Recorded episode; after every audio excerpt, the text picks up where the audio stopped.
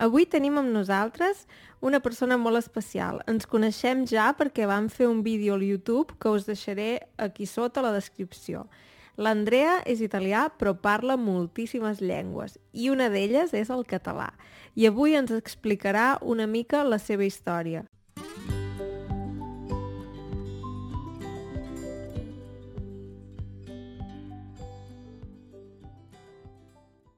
Hola Andrea, com estàs?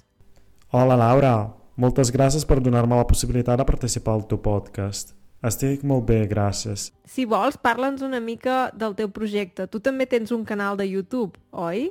Sí, és veritat, jo també tinc un canal al YouTube, fa ja uns anys que el tinc, eh, crec que 10 anys, si, si me'n recordo bé, i doncs jo eh, faig vídeos on parlo sobretot de la meva experiència en les llengües que he aprengut i també m'agrada donar consells eh, a la gent eh, per eh, poder aprendre les llengües d'una manera més efectiva i també m'agrada posar vídeos on parlo eh, a les llengües que aprenc perquè els natius em puguin deixar-me un comentari amb eh, la seva impressió, o sigui, si parlo bé, si parlo mal, com puc millorar i coses així. El canal es diu Poliglota per Passione.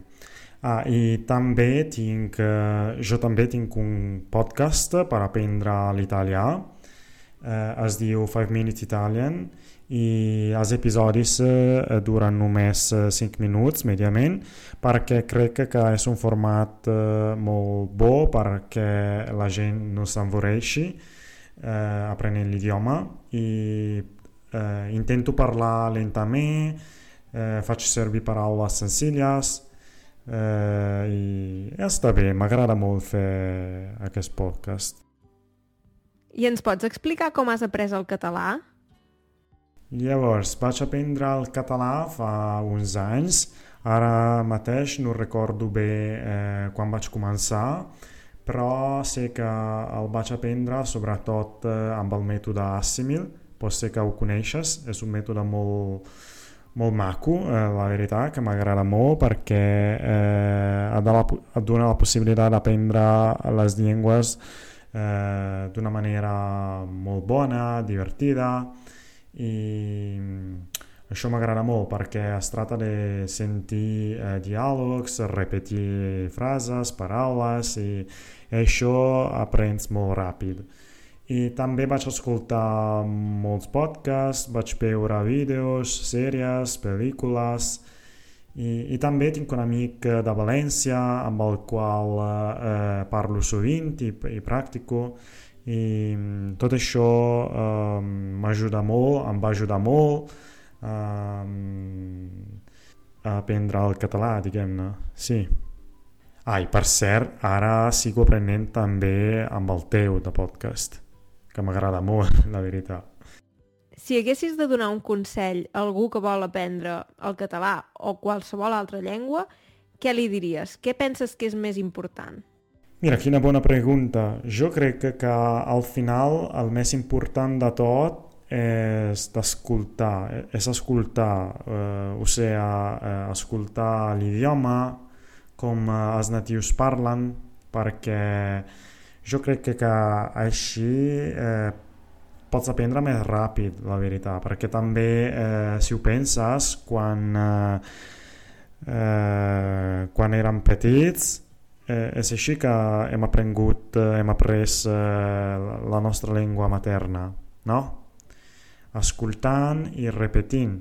I això és la cosa més important quan es tracta d'aprendre un idioma.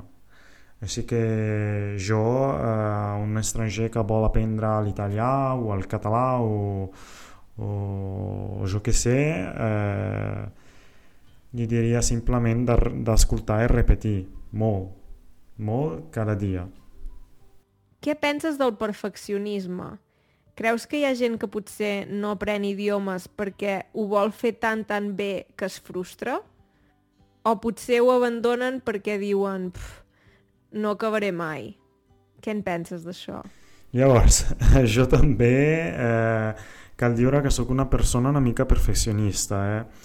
O sigui que, que sempre eh, vull parlar sense fer errors, però sé que això eh, és pràcticament impossible. Els errors són una part normal del, de l'aprenentatge d'una llengua i, i és normal fer-los perquè eh, és així que la gent va a aprendre, que, que la gent aprèn les llengües.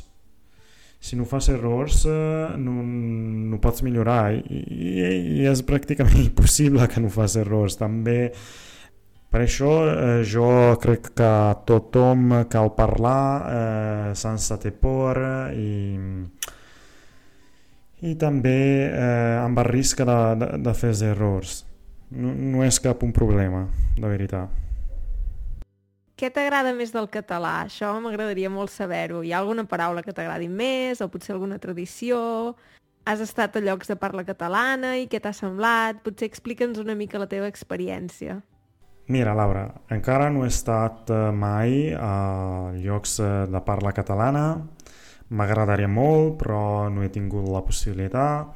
Eh, espero fer-ho aviat i doncs eh, a mi el català em va molt de gust perquè eh, és un idioma que, que sona molt bé, segons jo, i m'agrada el fet que de vegades s'assembla molt al francès, de vegades a l'italià, altres vegades al castellà, i mm, això m'agrada molt. I també m'agrada el fet que eh, els, català, els catalanòfons eh, amen molt eh, el seu idioma.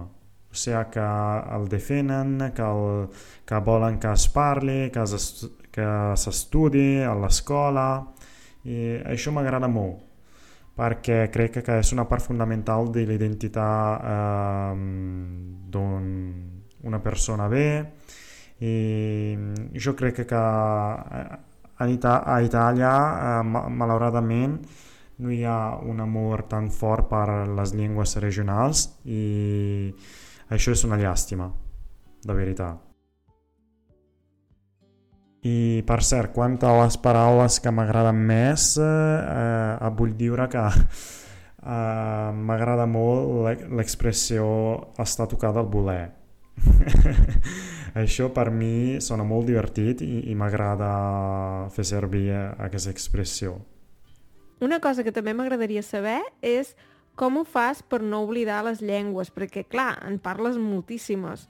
Si, per exemple, dius, ara no em centro en el català, l'oblides o fas alguna cosa de tant en tant per no oblidar-lo o com ho fas? Mira, el que faig és només escoltar podcasts eh, i eh, de vegades també veure pel·lícules o sèries o simplement posar un vídeo al YouTube uh, i, i coses així. Uh, això m'ajuda molt a practicar i a no oblidar les llengües. Fa uns mesos uh, havia uh, creat un, un programa per practicar cada dia uh, quatre idiomes. Al principi eh, estava molt bé, però al final eh, no ho vaig continuar perquè eh, no havia gaire temps per practicar tots els dies quatre idiomes i ara he modificat aquest programa i, i solament practico dues llengües eh, cada dia i això és molt més fàcil. Tinc eh, temps per practicar eh, diguem-ne eh, 10 minuts eh, dues llengües cada dia. Eh, veig vídeos o escolto podcasts i això m'ajuda molt a practicar. Si haguessis de compartir amb nosaltres els teus 5 secrets per aprendre un idioma, quins serien? Si no et fa res, dir-nos-els, esclar. Clar, clar, jo no tinc uh, secrets, m'agrada compartir les meves tècniques. Eh, llavors, et diria que el més important de tots eh, és eh, l'interès, perquè, o sigui, la, la motivació, perquè si no tens motivació, si no tens cap motivació, és impossible aprendre qualsevol cosa, no, no només eh, les llengües, però eh, tot, tot. I mm, després eh, et diria eh, la curiositat, la curiositat d'aprendre, i aprendre dia rere dia eh, més i més i també la constància. La constància és molt important. Tens que fer pràctica cada dia. Almenys eh, 10 minuts 5 minuts si, si estàs molt ocupat però tots els dies i què més? Eh, jo eh, diria també eh, divertiment? És important eh, que facis eh, alguna cosa que, que t'agrada, que de gust fer. I al final també eh, diria que cal una mica de, cal tenir una mica de, de coratge també. Coratge de parlar amb la gent, amb els natius perquè això és molt important Hi ha alguna cosa més que voldries compartir amb nosaltres? Doncs eh, només una cosa, o sigui que eh, aprendre idiomes, el d'aprendre idiomes és una cosa fantàstica, és una cosa molt maca que m'agrada fer i crec que, tothom cal aprendre idiomes, tothom tenen que, que aprendre idiomes perquè eh, poder parlar diferents idiomes és una cosa única, és una cosa fantàstica que et fa una persona millor així que crec que tothom eh, tenim que aprendre més i d'aquesta manera eh, viatjar, conèixer gent i sentir-nos sentir part d'una un, comunitat més gran, no?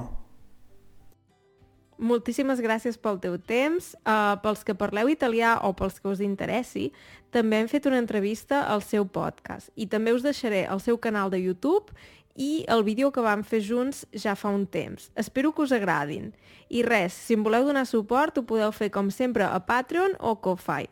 També podeu compartir els meus vídeos i els meus episodis del podcast amb els vostres amics o amb persones que penseu que li poden interessar. Doncs res, fins ben aviat. Que vagi bé. Adeu i moltes gràcies a l'Andrea avui. Adeu, que vagi bé. Vinga, Laura, moltes gràcies. Adeu, fins aviat, que vagi bé.